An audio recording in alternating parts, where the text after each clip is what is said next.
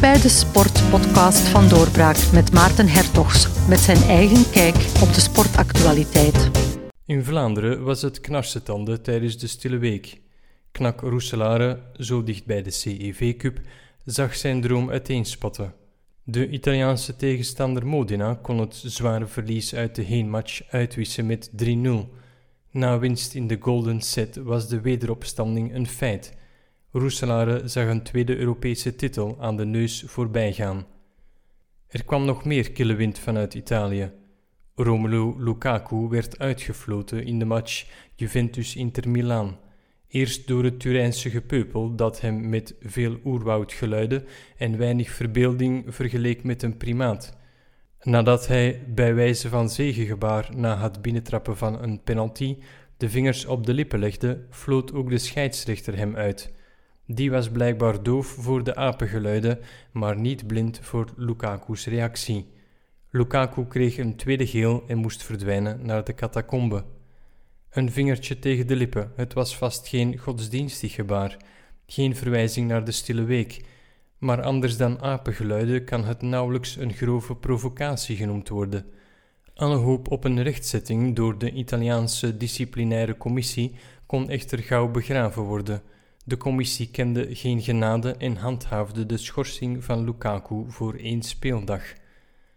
Van Italië naar Oostenrijk, waar de Red Flames een oefeninterland speelden. Ze hadden na vijf minuten in de tweede helft een zekere overwinning in handen, 0-2 voorsprong. Maar ook hier herrees de tegenstander.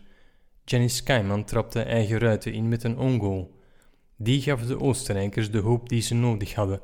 Ze kwamen tot 2-2 in de slotfase van de wedstrijd. In de vijfde minuut van de blessuretijd gaven ze de Red Flames de doodsteek. Wat een frustratie. Maar na de stille week volgt het paasweekend, het weekend van Parijs-Roubaix. Niet één, maar twee zalige hoogdagen met een hoofdrol voor landgenoten Kopecky en Van Aert. De stille week duurde dit jaar spijtig genoeg in Vlaanderen wat langer dan normaal. Iedereen weet dat Parijs-Roubaix niet enkel koers, maar ook een beetje loterij is. Zowel Wout als Lotte trokken het verkeerde lotje. Rampspoed op het verkeerde moment, tegenslagen die de wederopstanding onmogelijk maakten. Toch voor een mens, zelfs al ging het om toppers als Kopecky of Van Aert. Beide koersen leverden mooie winnaars op, maar niet degene waar we in Vlaanderen op hoopten. Dus zat er op Pasen na de onverteerbare koers weinig anders op dan met de familie eieren te zoeken en vertroosting te vinden in chocola.